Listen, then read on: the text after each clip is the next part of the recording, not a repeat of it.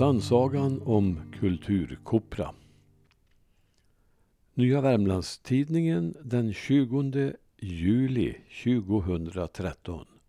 Kopra farväl. Inget varar för evigt. Detta är en dödsruna över Kulturkopra som levde och blomstrade en tid men som nu läggs i graven efter knappa två decenniers levnad. Att skapa ett museum är inte så svårt. Det svåra är att sedan lyckas driva det vidare, sa någon klok person en gång. Detta gäller alla kulturprojekt. Många kan instämma med mer eller mindre bittra erfarenheter. Beträffande Kulturkopras öde har vi sörjt för att resultaten av de tre EU-projekten ska leva vidare till eftervärlden. Vi är stolta över vad vi åstadkommit och tycker att projektpengarna använts på ett vettigt sätt och att de gett önskad avkastning. Dalbyordboken lever vidare i bokform och som cd-rom med närmare 50 000 inlästa ljudfiler. Carl Larsson Bergqvists etnologiska undersökningar och flera andra skrifter finns tryckta. Ljudinspelningar finns bevarade. Den fysiska utställningen som visar Nordvärmlands historia med ny teknik förvaltas av Dalby hembygdsförening och den digitala lokala historieboken kommer förhoppningsvis att hamna på Torsby kommuns hemsida.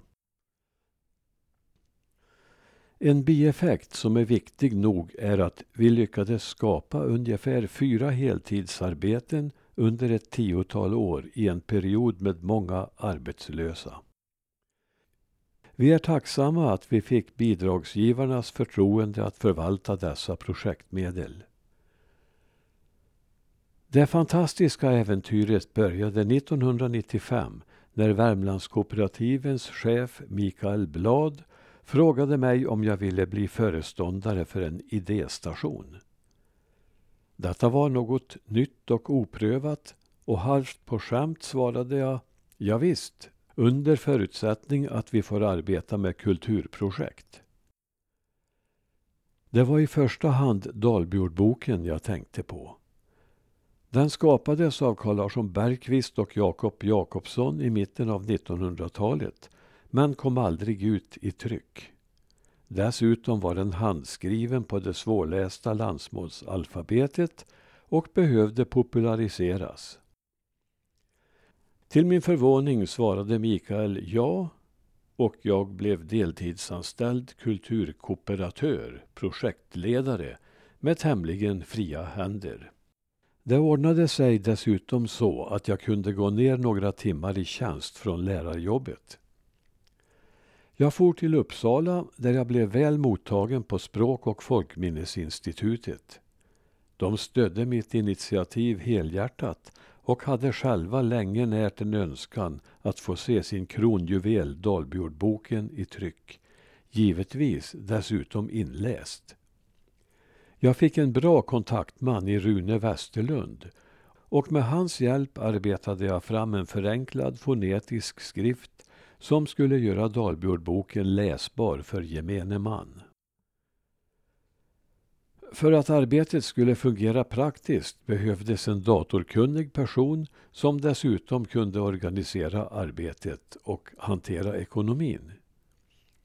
Denna person fanns, tack vare det svåra läget på arbetsmarknaden. Karina Berglund hette hon och heter fortfarande och hon kunde rycka in på heltid med omedelbar verkan. Hon kunde dessutom bistå med många goda idéer och utan att överdriva kan jag säga att projektet knappast gått att ro i hamn utan hennes stora kunnande och energi. Vi drev sedan tillsammans Kulturkopra ända fram till det bittra slutet. Tillsammans med Tove Nordäng, datakunnig och trofast medarbetare, bildade vi Kulturkopra. Med mottot att tillvarata och levandegöra gammal kultur med ny teknik skred vi till verket. Under åren hade vi många fantastiska medarbetare av vilka ingen ska nämnas för att ingen må bli glömd. Men ett stort arbete utfördes och ordboken blev så småningom transkriberad, digitaliserad och tryckt. Till hjälp med inläsningen av samma bok på cd-rom fick vi två Dalbybor med det mest genuina uttal som ställde upp ideellt. Peter Bengtsson och Inger Karlsson. Som en biprodukt gav vi ut Carl Larsson Bergqvists etnologiska undersökning som låg till grund för Dalbyordboken. Vi anordnade dialektdagar och föreläsningar och en julmarknad som blev tradition.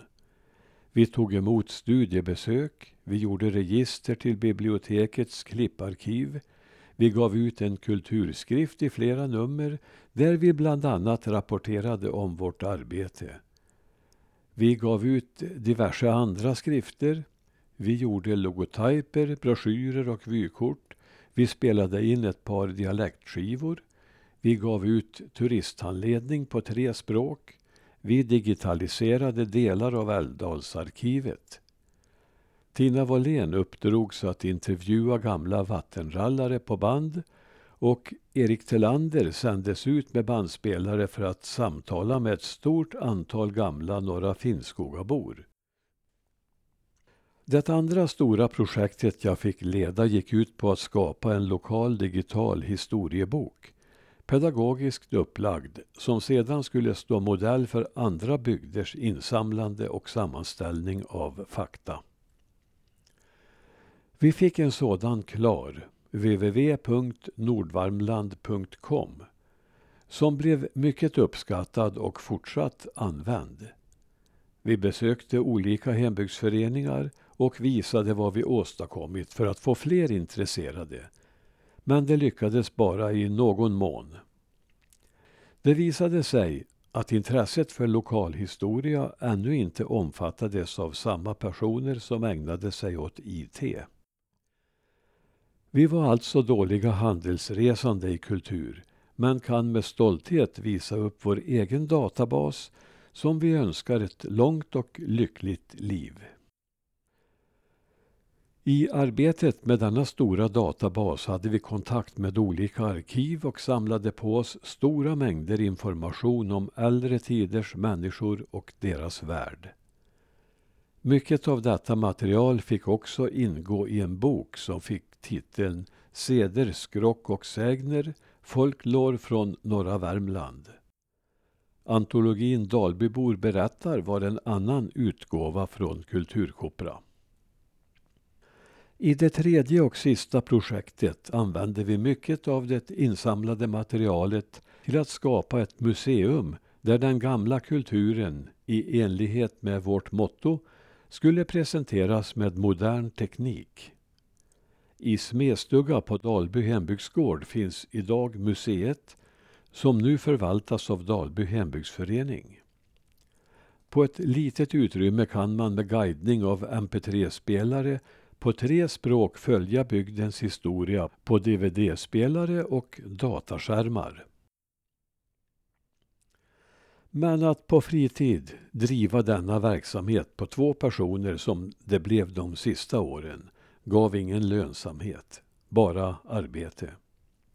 Beslutet att lägga ner Kulturkopra fattade vi i samband med att vår lokalhistoriska internetsida skulle tvingas byta programmeringsspråk för att fungera. Vi räknade med stöttning till detta eftersom sidan fyller en viktig allmän funktion och i samband därmed skulle vi också lägga ut Dalbyordboken på internet. Men här blev det kalla handen. En tjänsteman på Region Värmland bad mig helt enkelt att ta tillbaka ansökan. Så stort var det intresset.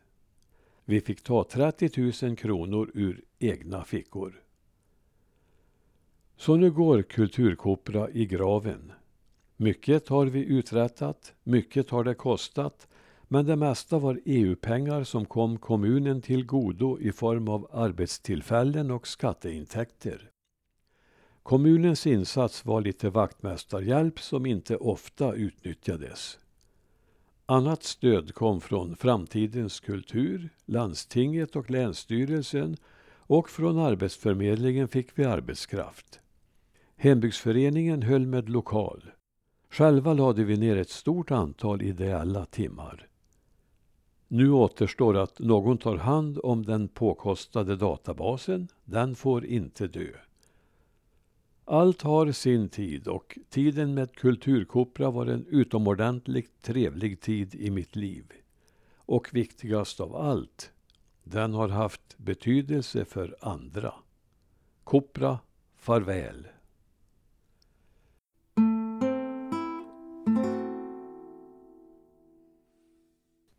Som ett litet tillägg kan jag säga att Torsby kommuns kulturförvaltning eh, övertog skötseln av vår databas och den fortlever på adressen nordvarmland.com och citeras ganska flitigt vad jag har sett. Jag kan också nämna att Dalbyordboken nu finns på internet tack vare Martin Wiss ifrån Torsby. Dalby.ordbok.gratis går man in på och ser och hör Dalby ordboka.